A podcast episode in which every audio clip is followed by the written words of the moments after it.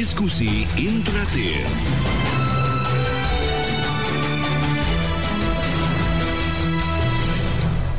Pendengar kita langsung saja mulai diskusi interaktif kita di sesi yang pertama ini.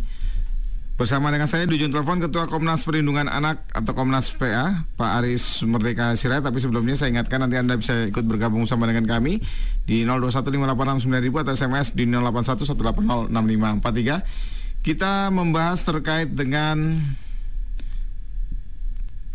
Maraknya kasus anak menjadi korban persekusi dan kejahatan seksual apa yang harus dibenahi? Selamat malam Pak Aris, sehat selalu. Selamat malam Bung Yudit, apa kabar? Baik, sehat ya kita tetap ya. Yuk, sehat Masih kita. di masa pandemi. Iya. Bagaimana Anda melihat nih dan menilai kasus-kasus persekusi dan dan kejahatan seksual terhadap anak dewasa ini, Pak? Iya, saya kira kita sangat prihatin karena tidak henti-hentinya eh, kejahatan terhadap anak ya.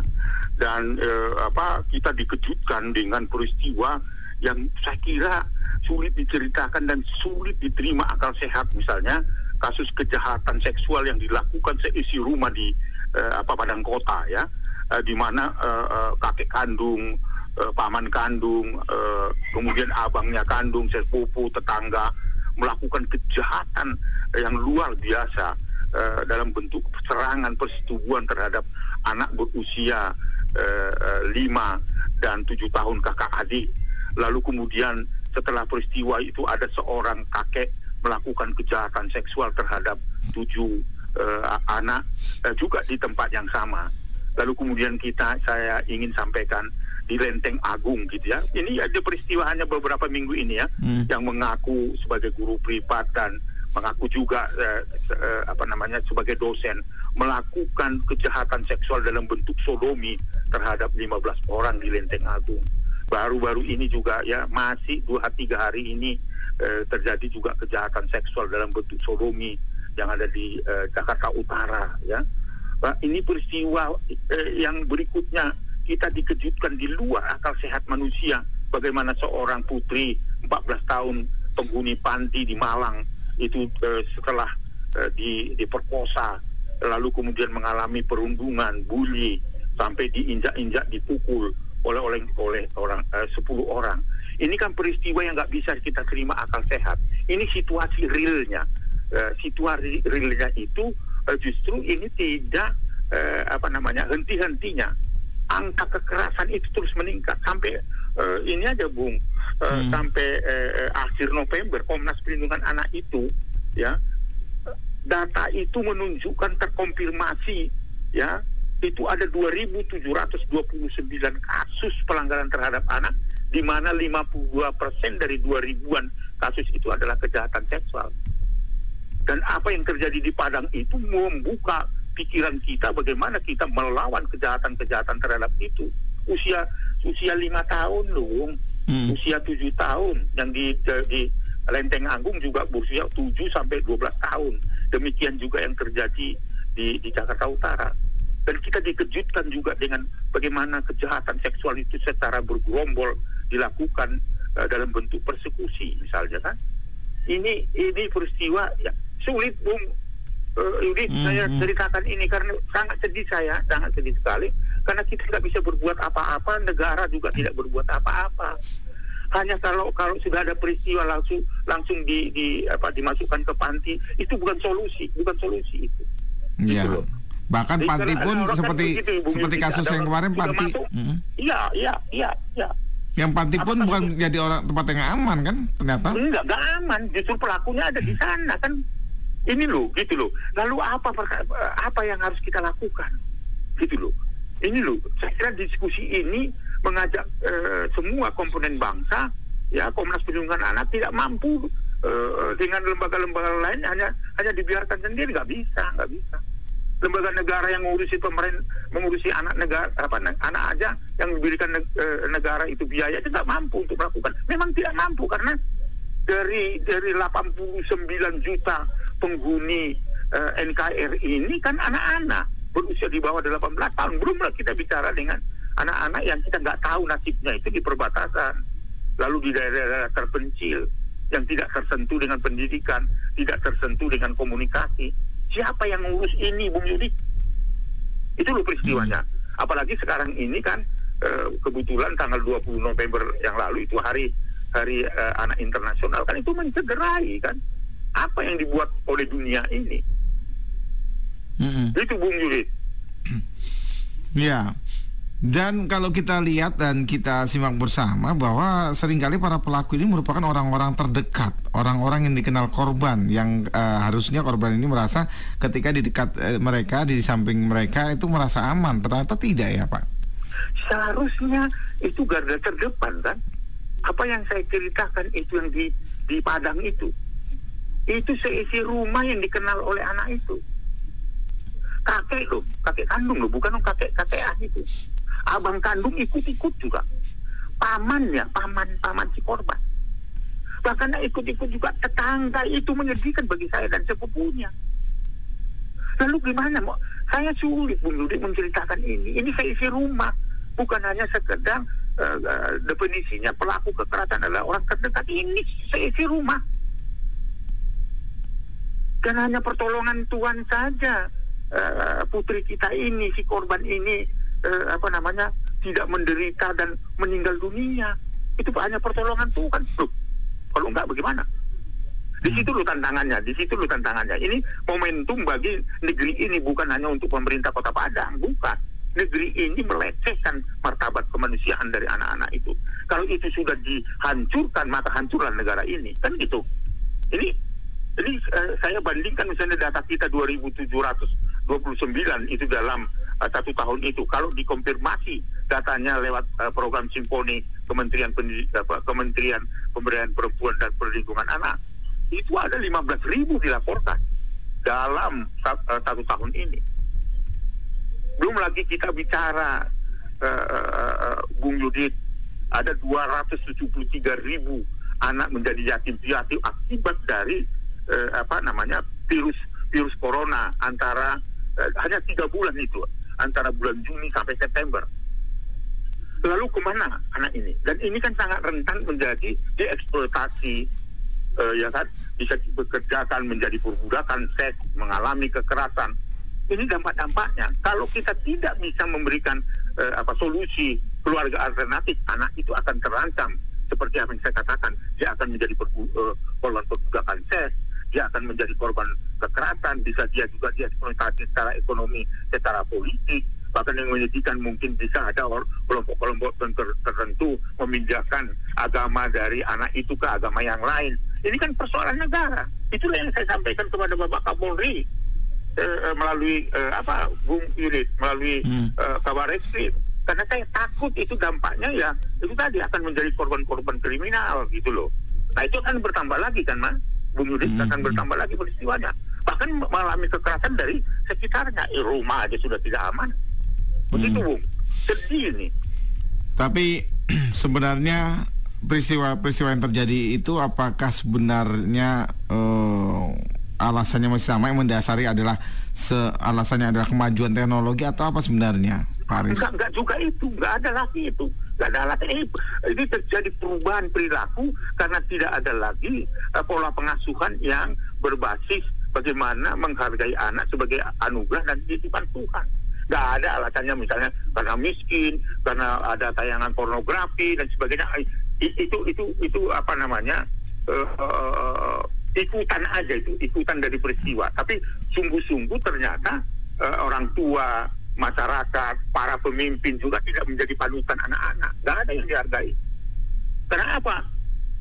Bung Hmm. pelaku-pelaku kekerasan selain orang tua seperti si, si rumah, tetapi juga adalah eh, seharusnya menjadi panutan seperti ustadz, eh, kiai, pendeta, ya, eh, pastor, Hmm. tokoh-tokoh agama. Ini sudah tidak ada panutan lagi. Sudah tergerus. Lalu kemudian kita tahu bahwa anak adalah dunianya mengimitasi, meniru, mencontoh yang ada di sekitarnya. Jadi kalau panutannya adalah orang tua, ayah dan ibu, tokoh agama, masyarakat, tokoh masyarakat sosial nggak lagi menjadi panutan, lalu ke mana anak itu? Mengambil inisiatif sendiri.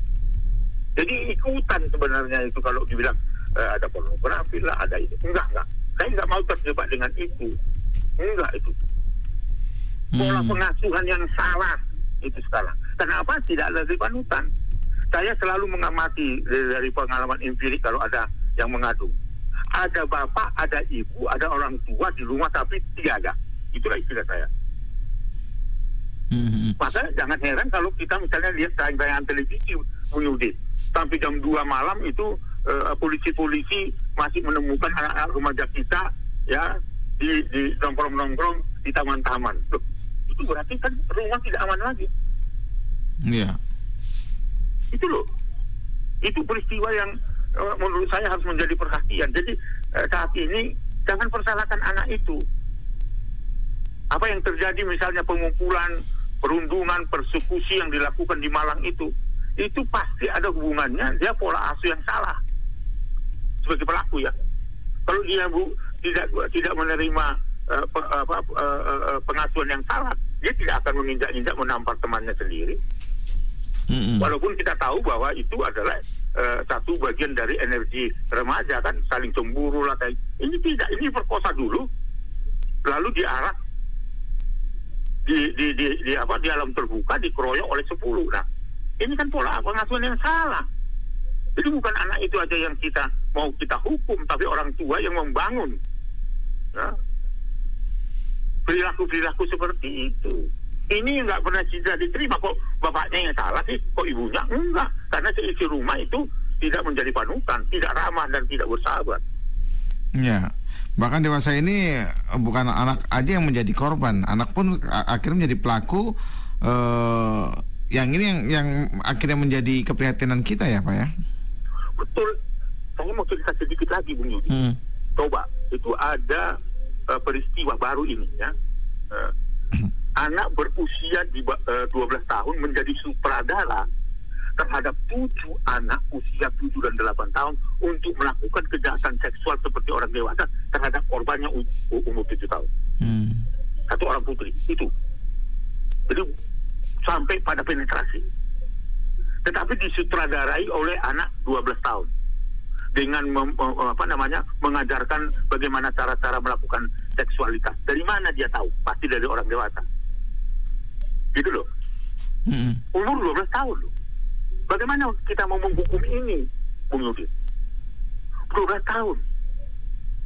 Korbannya 7 tahun pelakunya 7 tahun dan 8 tahun yang disutradarai oleh 12 tahun. Ini peristiwa dan terkonfirmasi.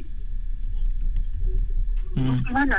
Saya mau mengatakan kepada penegak hukum saya mau mengatakan kepada orang tua supaya anak itu eh, apa namanya karena memang usianya masih di bawah 12 tahun pelakunya eh, justru masih 7 tahun apa kita eh, eh, membiarkan dia eh, terpidana? Undang-undang kita hukum acara kita mengatakan tidak boleh.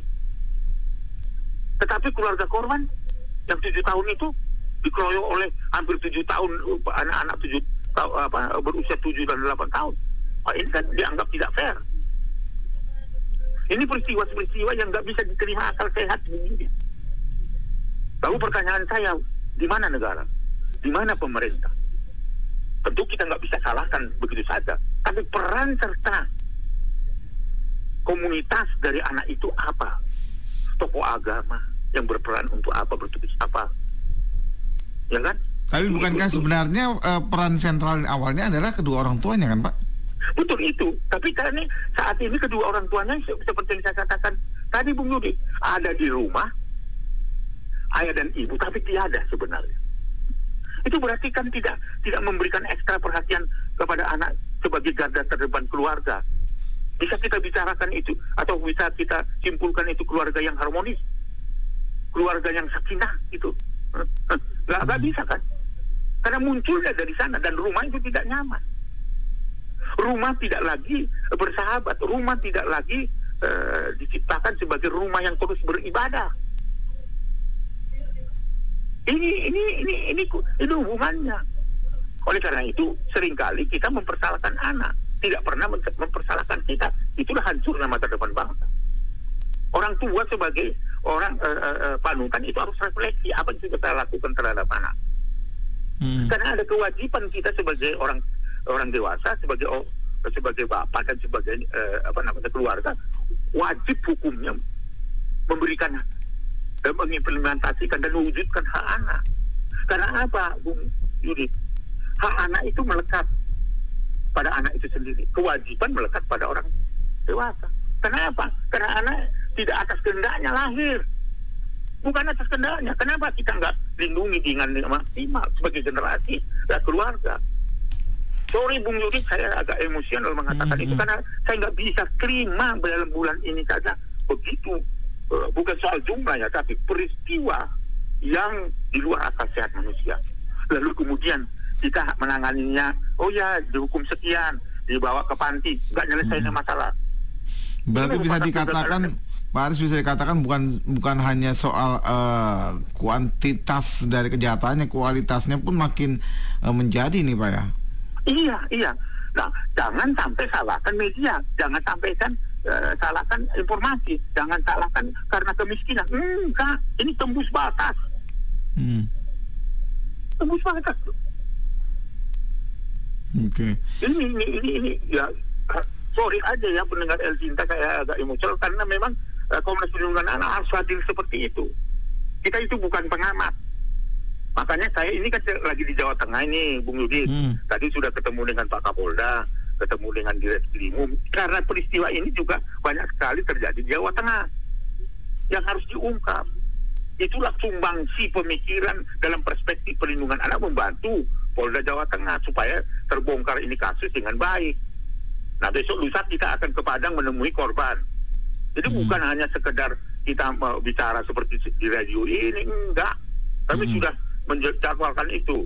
Nah sebelum ke berangkat ke Padang nanti saya sudah dahului di apa di Menteng dan minta ke Polres Jakarta Selatan untuk menangkap pelaku itu sudah ditangkap. Lalu kemudian kita mengagendakan 10 orang itu akan kita terapi. Karena ini korban sodomi kalau tidak tepat-tepat maka pada usia-usia tertentu dia akan dendam melakukan hal yang sama. Itu kan itu itu itu itu apa namanya literasinya seperti itu termasuk ya akan segera mungkin eh, besok eh, sore kita menemui anak yang ada di Jakarta Utara. Ini kan kaki kita cuma dua, Bung Yudit. Hmm. Eh, perwakilan kita kan nggak sama seperti apa yang kita harapkan, ya kan? Nggak semua kan, gitu loh. Nah pemerintah daerah ya seperti di apa di eh, di eh, Padang Kota nggak cukup hanya untuk anak dievakuasi masukkan ke dinas sosial dikasih pelayanan ini dan nggak cukup bukan nggak berarti itu nggak cukup gitu Tapi kan bukankah eh, pemerintah kita ada juga Pak Kementerian Pemberdayaan Perempuan dan Perlindungan Anak eh, Republik Indonesia. Tapi sebelum ditanggapi eh, kita sudah libatkan pendengar ya Pak ya. Ada Pak Mulyana Silakan. karena ada Pak Mulyana, Pak James dan juga Pak Soga di Medan. Pak Mul di Bandung. Selamat malam, Assalamualaikum Bu Judit. Waalaikumsalam. Salam sejahtera ya. Demikian saya juga ya sebagai orang tua kakek, nih kakek kebetulan cucu-cucu saya banyaknya perempuan lima gitu ya. Hmm. Jadi saya ikut prihatin, ikut sedih, ikut khawatir. Sekarang sebetulnya ini orang tua itu harus betul-betul ya, tapi orang tua sekarang acuh, tak acuh keadaan begini apalagi udah covid ini anak ya gitu. Terus pemuka-pemuka agama nggak mau Islam mau mau mau Nasrani nggak mau acuh tak acuh. Kenapa dibarengan masuk ya ranah politik ini sekarang dilihat oleh saya gitu ya. Jadi saya sedih sekali. Padahal yang harus betul-betul teh buka agama tuntun untuk meluruskan manusia-manusia yang salah. Tapi sekarang banyak ya itu masuk ke ranah politik. Mau ulama, mau dari petani, mau dari apa itu semua ber- berpolitik. Semua beramai-ramai mencari jabatan, semua mencari harta. Nah, anak diacuhkan. Sedangkan itu kalau di ini kan titipan nomor satu itu anak dari Allah Tuhan yang Maha Kuasa itu ya Hmm. sekarang diabaikan. Nah beginilah ya manusia dimuliakan semua oleh Allah Subhanahu Wa Taala Tuhan Maha Kuasa. Tapi manusia akan melebihi kelakuannya daripada binatang. Ada Tuhan itu kata Allah. Ada keterangan. Nah ini kejadian sekarang. Hmm. Kenapa pemuka agama berikut-ikutan ke ranah politik sekarang? Ya, mendukung saling mendukung, saling jelek menjelekkan, saling menciput. Nah ini jadi akhirnya begini. Ya kita mah hanya bisa berdoa. Mudah-mudahan Allah Subhanahu wa taala Tuhan Maha Kuasa melindungi bangsa Indonesia. Sekian aja terima kasih. Selamat. Amin. Assalamualaikum. Baik, baik. Pak James. pagi Pagi Pak James. dengan Pak Selamat malam Pak James, masih malam. Malam. masih Malam. masih malam ini belum pagi Sal- Salam sejahtera Pak. Saya pertama baik baik terima kasih Pak saya ingin mengapresiasi Bapak ya eh, kinerja Bapak yang luar biasa selama ini. Saya ingat Bapak yang kasus di Bali itu Pak, yang anak. Angelin ya, ya terima kasih Ya. Bapak, terima Hmm. kasih. Iya, saya mengapresiasi Pak. Semoga Tuhan selalu memberkati Bapak dan keluarga ya. Amin, amin, amin. Terus berjuang Pak buat anak-anak. Karena anak-anak adalah generasi penerus kita Pak. Tanpa anak-anak ini yang kita harus jaga ya Pak. Negara tentunya harus hadir. Tadi Pak Yudit ada bilang kementerian apa Pak? Kementerian Pemberdayaan Nah, Perempuan ya. perempuan dan perlindungan anak Republik Nah, Indonesia. Kalau Bapak Pak Yudit nggak ingetin, saya nggak tahu tuh ada tuh Pak kementerian itu. Jangan gitu Pak.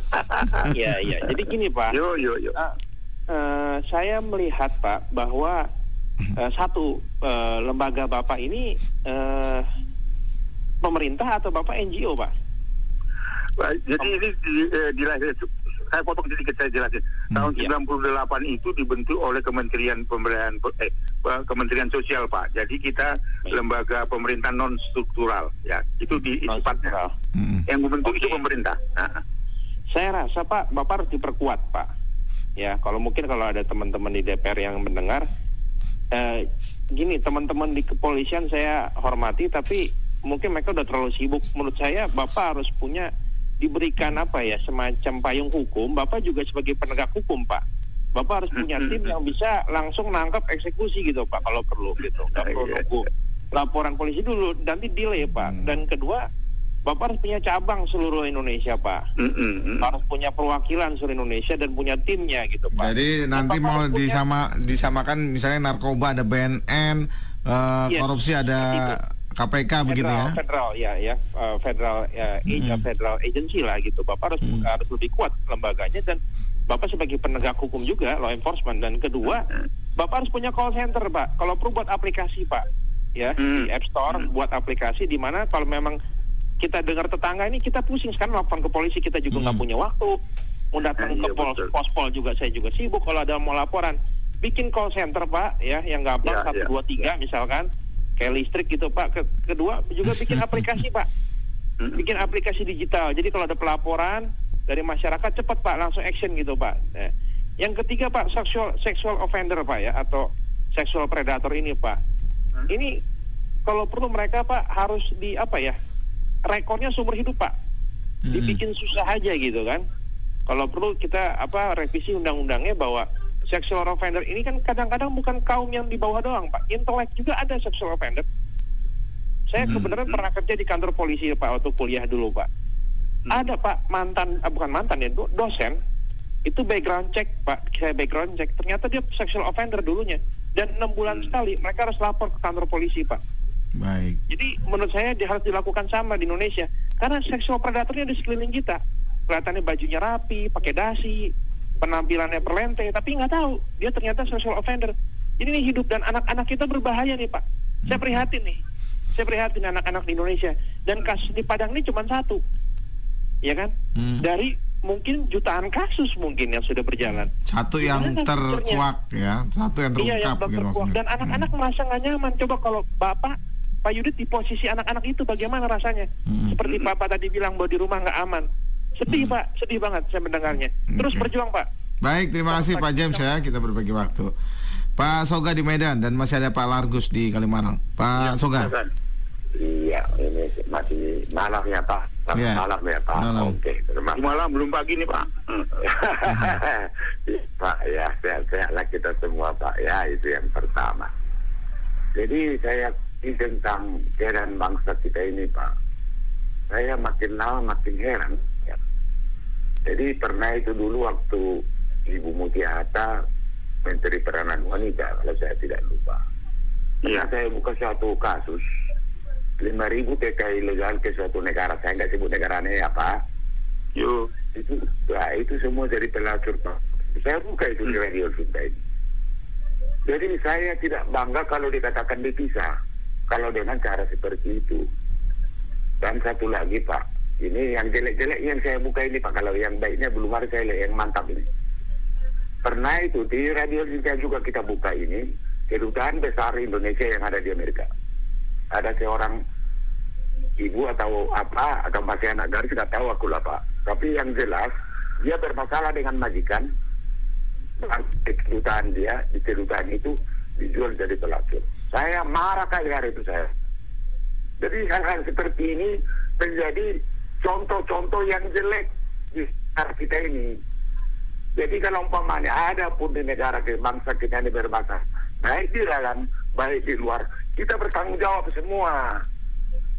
Jadi umpamanya kan seperti kejadian-kejadian akhir-akhir ini, keluarga lah yang menodai anak itu sendiri.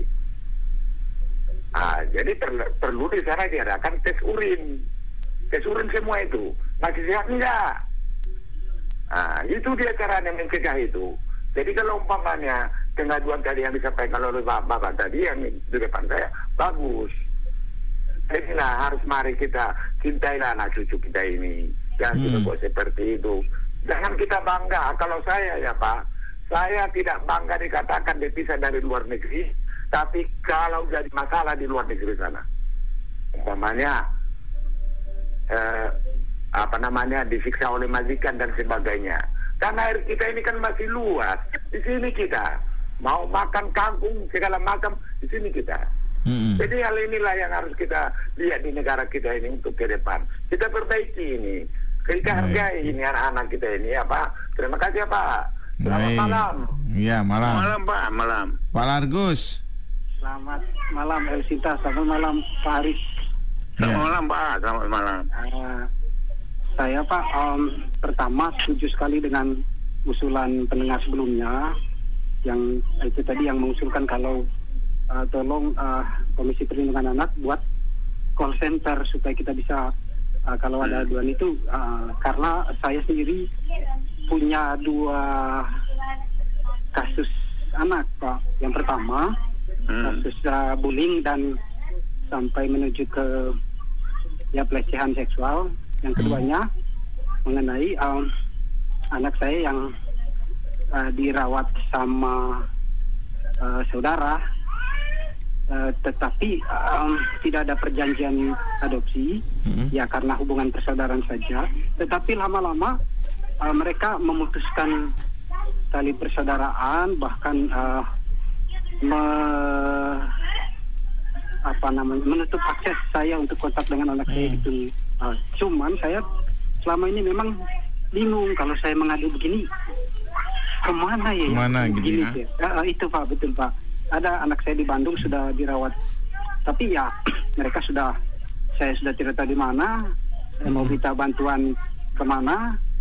Ah, itu yang ah, soal anak asuh. Yang keduanya soal begini pak, sampai sebatas ah, mana akhirnya kita harus mengadu ke Komnas Perlindungan Anak karena kadang-kadang begini pak ada bullying yang sama-sama dilakukan oleh anak-anak gitu. Mm. Uh, anak saya anak kecil di bawah lima tahun.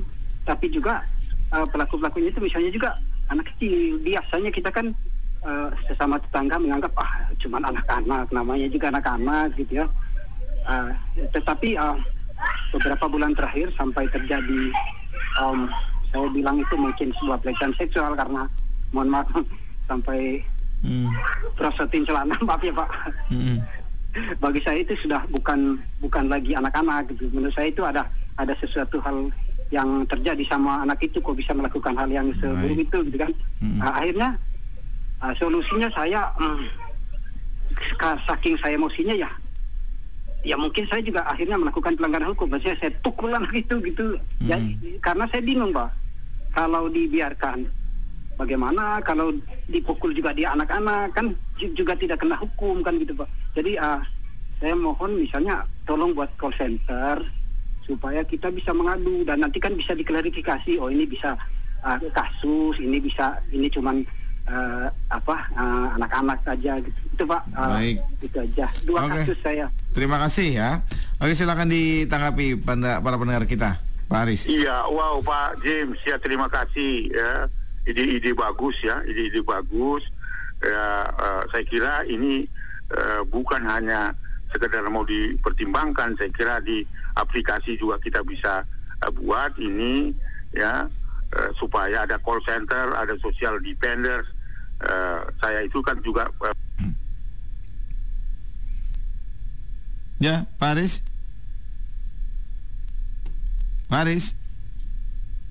Terputus nampaknya dengan Pak Aris. Kami akan mencoba uh, kembali menghubungi Pak Aris Merdeka Sirait.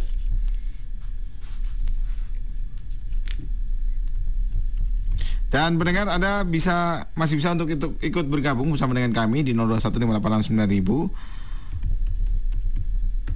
Sambil saya bacakan komentar-komentar yang sudah masuk. Ada dari Pak Endang. Pak Endang menyampaikan yang harus dilakukan agar korban persekusi dan kejahatan seksual tidak merajalela harus dilakukan jangka pendek dan jangka panjang. Jangka pendek harus dilakukan hukuman kebiri, jangka panjang pendidikan agama dan budi pekerti dilakukan dari sejak kecil. Kemudian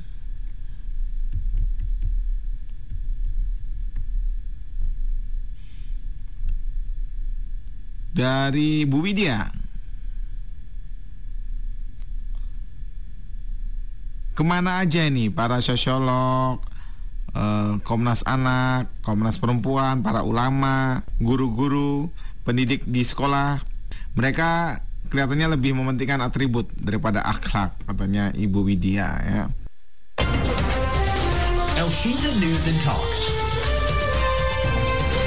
Mohon maaf terputus ya Pak Aris ya. Iya iya iya. Iya baik, silakan dilanjutkan tadi yang soal usulan dari Pak James tadi, Sampai. Iya, saya kira itu uh, dari uh, apa semua uh, pendengar cinta tadi, saya kira uh, ini adalah gagasan yang uh, luar biasa membuat kami juga jadi cas baterai ya. Hmm. Karena selama ini kita uh, apa namanya tidak pernah memikirkan itu. Saya kira uh, uh, apa yang disampaikan Bung James tadi, membuka aplikasi, membuka social defenders dan sebagainya, call center tadi saya kira itu akan segera kita lakukan.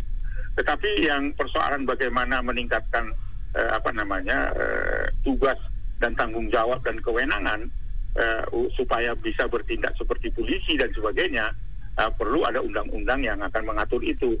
Sementara undang-undang perlindungan anak eh, itu tidak mengatur itu. Maka kalau dia akan memberikan peran itu sangat luar biasa ya, sangat luar biasa karena lembaga negara uh, yang dibentuk oleh negara saja tidak punya kewenangan itu karena memang kita ter, apa, uh, terhenti pada uh, kewenangan kepolisian. Hanya penyidik lah hanya polisian lah yang bisa melakukan penangkapan penahanan ya untuk itu uh, di, di, dimintai tanggung jawaban hukum dan sebagainya.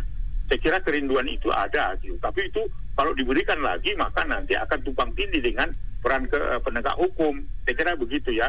Kerinduannya seperti itu Nah, yang mungkin dilakukan adalah semua uh, apa namanya uh, informasi yang didapatkan pelaporan-pelaporan yang didapatkan itu bisa diserahkan kepada polisi sebagai penegak hukum. Memenuhi syarat terpenuhi uh, dua alat bukti. Saya kira uh, kerjasama itu yang sedang kita bangun. Begitu. Bung James terima kasih ya. Terima kasih mencer apa, men, apa namanya mencerahkan kita. Dan itu akan kita diskusikan di rapat-rapat pleno nanti dimungkinkan juga akan kita lakukan yang sama. Ya, tadi dari Pak Largus juga yang uh, pertanyaan soal uh, permasalahan-permasalahannya bagaimana sulitnya dia untuk mengadukan persoalan-persoalan mungkin bukan hanya Pak Largus yang mengalami hal itu. Itu bagaimana tuh Pak? Ya, saya kira itu dengan dengan hmm. tadi ya ada sebenarnya kita sudah punya hotline service ya sama hmm. aja seperti call center itu. Ya, tapi itu harus diumumkan kepada publik ya kan gitu ya karena hotline service itu kan terbatas. Terbatas juga sumber daya manusianya. Nggak mungkin kita lakukan 24 jam. Tapi caranya setiap wilayah-wilayah tadi dikatakan kami itu uh, punya di 189 kantor perwakilan di tiap kabupaten kota. Belum sampai pada 500-an itu kan kabupaten kota itu ada 500-an lebih menurut saya 457 atau apa. Belum lagi kita belum bisa mengakses di daerah-daerah perbatasan ya seperti daerah-daerah terpencil juga belum belum tercapai di situ karena masih 189 karena apa? Mencari sumber daya manusia yang komitmennya tinggi ya eh, itu jarang sekali eh, sulit sekali kita menemukan. Maka kita saat ini sudah hampir lima tahun itu mengkader eh, mahasiswa-mahasiswa supaya kampus itu eh, dijadikan sebagai dapur perlindungan anak. Paling tidak mereka belajar tentang konsep-konsep pendidikan tetapi setelah eh, eh, konsep-konsep tata apa, apa namanya keilmuan perlindungan anak, hukum perlindungan anak, hukum yang mengatur tentang perlindungan anak misalnya itu nanti setelah eh, keluar dari kampus itu bisa menjadi senior senior apa uh, pionir pionir lah eh, maksud saya untuk perlindungan anak. Begitu Bung Yudi. Jadi saya kira ini masih PR banyak gitu ya. Kalau pertanyaannya ada apakah ada di perwakilan kebetulan di 189 masih yang bisa kita andalkan untuk memberikan pertolongan bagi anak-anak. Ya tadi yang menarik adalah uh, soal pola pengasuhan anak yang anda anggap salah gitu ya. Nah saat tadi sebenarnya bagaimana Pak untuk menciptakan pola pengasuhan positif ini terutama kan lebih pada uh, keluarga ya ayah dan ibu. Ya saya kira gini Bung Yudit, kita harus berani mengubah paradigma kita karena kita ini seperti saya Bung Wiro itu kan eh, Bung Yudit itu masih menerima uh, konsep-konsep pendidikan perlindungan dari orang tua kita kakek kita kan gitu. Hmm Nah, maka uh, di dalam uh, di era uh, digital itu uh, kita harus berani merubah paradigma pola pengasuhan yang otoriter ya, yang kita terima dari kakek nenek kita, ayah kita itu diubah menjadi dialogis partisipatif. Apa artinya dialogis partisipatif? Uh, semua persoalan-persoalan anak harus diakomodasi oleh orang tua, tetapi memberikan ke, apa, kesempatan untuk mengeluarkan pendapatnya, ya. Anak itu jangan kita ajak diberikan akses mendiskusikan tetapi uh, tidak ada komunikasi atau tidak tidak berikan akses untuk anak ber apa menyampaikan pesannya itu loh. Itu itu penting menurut saya pola uh, bentuknya apa? Itu tadi rumah harus terus beribadah rumah harus bersahabat dengan anak. Tidak ada lagi kekerasan di sana gitu loh ya harus mengedepankan kekerasan itu bukan solusi. Nah, itu itu kan sulit ini kalau nggak mukul anak gitu kan. Seperti tadi kan akhirnya dipukul yeah. karena anaknya ah, gitu. Seolah-olah memukul itu solusi. Enggak enggak. Mungkin pada masa yang lalu seperti itu tapi masa sekarang tidak. Kita harus berhadapan dengan hukum. Kalau dulu di zaman saya tidak ada undang-undang perlindungan anak. Sekarang ada anak-anak juga sudah uh, aware terbuka anak-anak juga sudah tahu ada undang perlindungan anak tidak saja dia dilaporkan oleh orang lain dalam bentuk uh, apa uh, uh, uh, pelaporan uh, masyarakat, tapi anak itu ada beberapa yang datang ke kantor polisi melaporkan bapaknya. Nah gitu loh. Nah itu dianggap kurang ajar kan gitu. Hmm. Nah itu pertumbuhan dan perubahan perubahan yang terjadi harus diikuti gitu. Jangan jangan jangan anak di, uh, selalu dianggap uh, bermasalah saja, tetapi anak harus bisa kita kita tempatkan dia juga sumber solusi dalam keluarga. Sama kan hmm. se se sehari-hari kita ada anak di depan kita, wow, lari-lari anak ke sana. Oh jangan lari-lari, kamu jalannya bagus, nanti kakimu patah. Sumber masalah terus. Hmm. Biarkan. Jadi pola pengasuhan yang yang yang yang yang bersahabat gitu loh. Itu yang saya katakan kalau kita mau supaya keluarga kita betul-betul yang yang dulu hmm. uh, otoriter berubahlah menjadi dialogis partisipatif gitu loh. Hmm. Hmm. Nah, itu Bung Yudi. Nah, tapi kalau uh, bicara soal kekerasan anak ini kenapa kok seperti tidak ada habisnya? Tapi kan sebenarnya yang seperti saya katakan tadi, ada kementerian uh, yang mengurusi masalah wanita dan anak gitu ya sampai tadi Pak James mengatakan lupa kalau nggak dikasih tahu gitu ya terus ada juga banyak kan nggak hanya Komnas APA aja kan banyak kan uh, apa pemerhati ataupun uh, semacam uh, eh, LSM-LSM yang bergerak seperti Anda kan Pak Aris? Gak seimbang, Bung Udit, gak seimbang. 89 juta loh anak di Indonesia. Hmm. Ya kan? Di bawah 18 tahun. Gak cukup. Dan tidak semua juga para aktivis atau pekerja atau stakeholder perlindungan anak yang punya hati. Hmm. Banyak kan? Gitu. Jadi artinya mau saya katakan nggak seimbang caranya uh, supaya uh, sekalipun tidak uh, seimbang kehadiran negara dalam arti memberikan support kepada kelompok-kelompok stakeholder perlindungan anak itu tugas pemerintahnya nggak bisa dia melakukan langsung seperti Kementerian Pemberdayaan Perempuan dan Perlindungan Anak misalnya hmm. dia kan nggak bisa langsung ke lapangan itu lalu kemudian bagaimana fungsinya adalah mengorganize para pekerja-pekerja uh, sosial anak baik itu di lembaga-lembaga keagamaan lembaga pemerintah, lembaga swasta dan sebagainya itu yang harus dikoordinasi oleh kementerian itu. Nah, Pak Jokowi harus menyiapkan anggarannya kan gitu ya.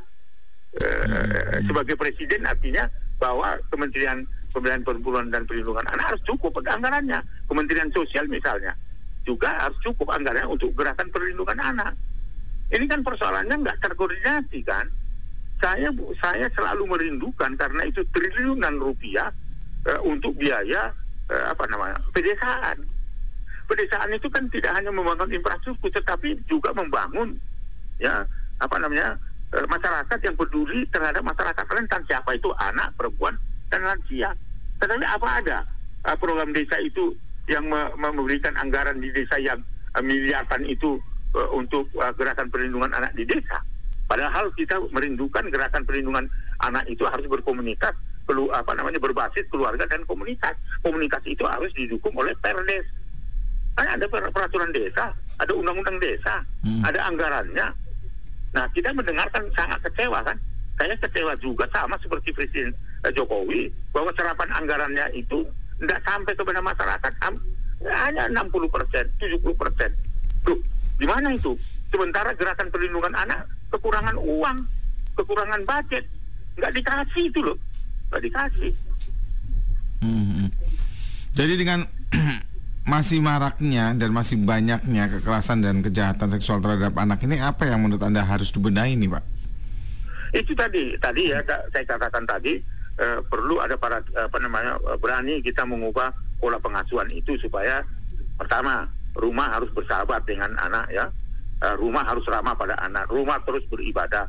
Lalu keluarga betul-betul menjadi panutan supaya anak mencontoh apa yang dia lihat gitu.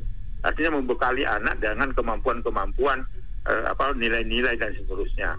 Nah, untuk menguatkan itu apa yang saya saya cita-citakan itu di situlah kehadiran pemerintah. Nah, kehadiran pemerintah bisa dari tingkat desa dengan anggaran-anggaran desa diintegrasikan dengan uh, memberikan perlindungan kepada masyarakat rentan di mana masyarakat rentan itu adalah anak e, perempuan dan lansia. Lalu tokoh-tokoh agama juga harus menjadi panutan. Ya, saat ini kan nggak jadi panutan banyak sekali peristiwa justru e, dilakukan oleh tokoh-tokoh yang e, seharusnya menjadi panutan. Ya, seperti yang saya sebutkan tadi, ada ada ustadz, ada kiai, ada pendeta, ada e, apa namanya e, pastor dan sebagainya. Semua pemimpin agama itu e, di hadapan masyarakat sudah tergerus eh, kepanutannya itu ke keteladanan itu juga harus dibenahi gitu karena apa karena ini sudah terlanjur jadi jangan persalahkan teknologi jangan salahkan kemiskinan ini kekerasan eh, terhadap anak tembus batas istilahnya tembus batas kalangan profesi ada juga polisi ada anggota DPR ada bupati juga ada juga uh, guru ada ada pengelola dari rumah aman itu sendiri. Jadi itu yang saya katakan tembus batas. Jadi tidak ada alasan oh iya karena kemiskinan, karena teknologi dan itu. Jangan persalahkan itu. Persalahkan diri kita sebagai orang tua yang tidak menjadi teladan pada anak-anak kita. Begitu Bung Yudit. Iya. Dan satu hal lagi nih Pak Aris, selain para korban yang mengalami kekerasan fisik gitu ya, kan mereka meng, uh, uh, dimungkinkan pastinya akan mengalami trauma berkepanjangan. Nah, selama ini bagaimana Pak uh, perihal penanganan hal ini? Kan selama ini yang kita tahu, baik ada kejahatannya sudah ditangkap, lalu sudah kelihatannya seperti itu. Nah, bagaimana untuk pemulihan para korbannya ini, Pak?